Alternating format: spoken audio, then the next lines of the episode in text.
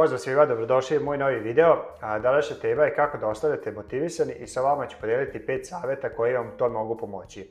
Prvi savet jeste e, vezan za ciljeve. Da bi, bi, da bi bilo šta uradili, da bi bili motivisani, vama je potreban motiv. I ja sam već pričao u jednom prethodnih videa zašto su ciljevi važni i kako ja postavljam ciljeve. Danas želim tu temu da proširim i želim da kažem kako možete a, još više iskoristiti, iskoristiti moć ciljeva da, da vas motiviše na dalju akciju. A, ima jedna formula koja se zove 3P, koja sam naučio od Brian Tracy-a. Kad god postavljate ciljeve, a, obratite pažnju da oni budu, prvo P je personalni, drugo P je pozitivni, a treće P u prezentu.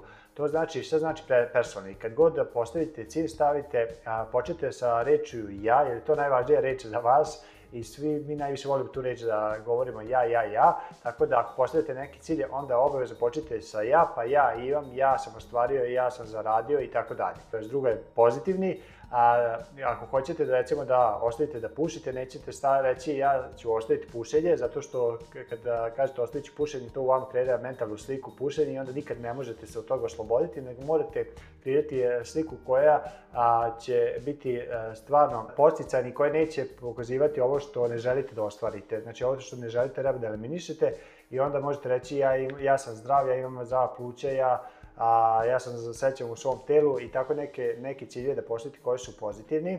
I treće P je a, e, u prezentu, to znači u sadašnjosti, zato što naš um a, ne prepoznaje razlike između vre, vremena kao malo dete što ne zna razlike između prošlosti i budućnosti, tako i naš posvesti um ne prepoznaje razliku i zato je bitno da postavite ciljeve a, koje a, e, kao da ste ih ostvarili. I onda konkretno, ako planirate da pokrenite svoju firmu, nećete reći a, firma a, ima a, toliko i toliko stvari, nego ćete reći ja sam uspeo da izgradim firmu a, od 100.000 evra, vidite da stoji i ja, i stoji pozitivno, i stoji u prezentu i ono što dodatak možete staviti samo do kada, jer isto to možete povećati i verovatnoću da ćete ostvariti. Tako da, to je prva stvar, kad postavite cilje, obratite na ta 3P, a druga stvar kad postavite ciljeve jeste da je jako važno da ih imate svaki dan pred očima. I mali trik koji možete uraditi jeste da vidite, recimo, ako koristite ekrane, da li telefon ili računar, da tu onda postavite te svoje ciljeve i da budu što šareniji i vizualniji. I ja ono što sam uradio jeste da sam nacrtao mapu uma, a, možete istražiti na internetu kako se to kreira, u suštini stavite, ja šta ja radim, u suštini u centar stavim, nacrtam jednu cilj, stavim koja godina, recimo sad 2020, stavim grane iz tog cilja u različitim bojama za bitne sfere mog života kao što su porodica, financije, posao, zdravlje i tako dalje. I onda tu nacrtam svoje ciljeve, ubacim i slike, i boje i reči da bi bilo što živopisnije i ono što još dodatno uradim jeste uslikam i onda stavim kao pozadinu a, na računar da desktop ili na program konkretno trao što koristim da bi to bude pozadinska slika gde znam da ću svakog dana pristupati i gledat ću te ciljeve. I to je zaista bitno da svakog dana ih imate pred očima i jedino tako ćete znati E, da, da kontrolišete svoj fokus, da lako ne zalutate. A, to je prvi savjet. Drugi savjet jeste da krenete od, najmanjih mogućih stvari koje možete načiniti. U zadnjih godina dana čuo sam za Wim Hofa i metod da se tuširanja hladnom vodom i koje, koje pozitivne efekte on to donosi i pre ošte godine pokušao sam par dana a da se tuširam ujutru hladnom vodom i to je sve završilo na tome da sam posle par dana odustao zato što je teško. Ne znam da ste pokušali, ima skoro i Novak Đoković je imao intervju na YouTube kanalu sa Wim Hofom u vezi toga, a, korišno je slušati, a, mnogo je teže to primeniti i ono što ja sad praktikujem, recimo posle vežbanja kad dođem da se tuširam, uvek sam išao, ok, uzet ću pa ću 30 sekundi se tuširati hladnom vodom. Snagom volje ja uspem da izguram par dana, ali brzo odustanem zato što svaki put kad pomislim da treba da idem da se tuširam, da se tuširam hladnom vodom, odmah, odmah me to odvraća od same misli i jednostavno bojim se sa tom svojom odlikom da li da to uradim ili ne uradim zato što je teško. A ono što je mnogo lakše jeste a, kao što kaže, kako da pojedete slona, najjednostavniji način zaloga po zaloga i tako jeste da uzmete nešto od najmanje što možete da uradite. Na primjer, u mom primjeru, ono što se ja sad radim jeste da jednostavno samo uključim hladan tuš i samo jednom pređem, bukvalno jednu sekundu i ugasim ga. I šta mi to daje? Daje mi da nemam toliki otrov prema vodi, a daje mi polako posticaj da, da polako to povećavam. A, ako neko ima problem sa kilažom i recimo želi da skine 50-100 kila, to je ogromna cifra koju, koja samo može demotivisati i to 100 kila da neko smeša, to je jako teško. A, izvodljivo, ali zaista mali broj ljudi koji su to uspeli ali mnogo lakše je smršati jednu, jednu kilu i e, pored toga kad smršate jednu kilu bit ćete motivisani da smršate još jednu kilu i tako svaki put kad ostvarite taj pozitivan feedback, pozitivnu povratnu informaciju, vi ćete biti motivisani da nastavite da se krećete u dobrom pravcu. Tako da je bitno kada postavite sebi neki izazovan cilj, kao što sam rekao, da bude personalno prezentu i da bude u sadašnjosti, važno je da postavite neki mali korek koji možete svakako uraditi, koji ne predstavlja napor i da od toga se nadograđujete. I to je drugi savjet kako da ostanete motivisani.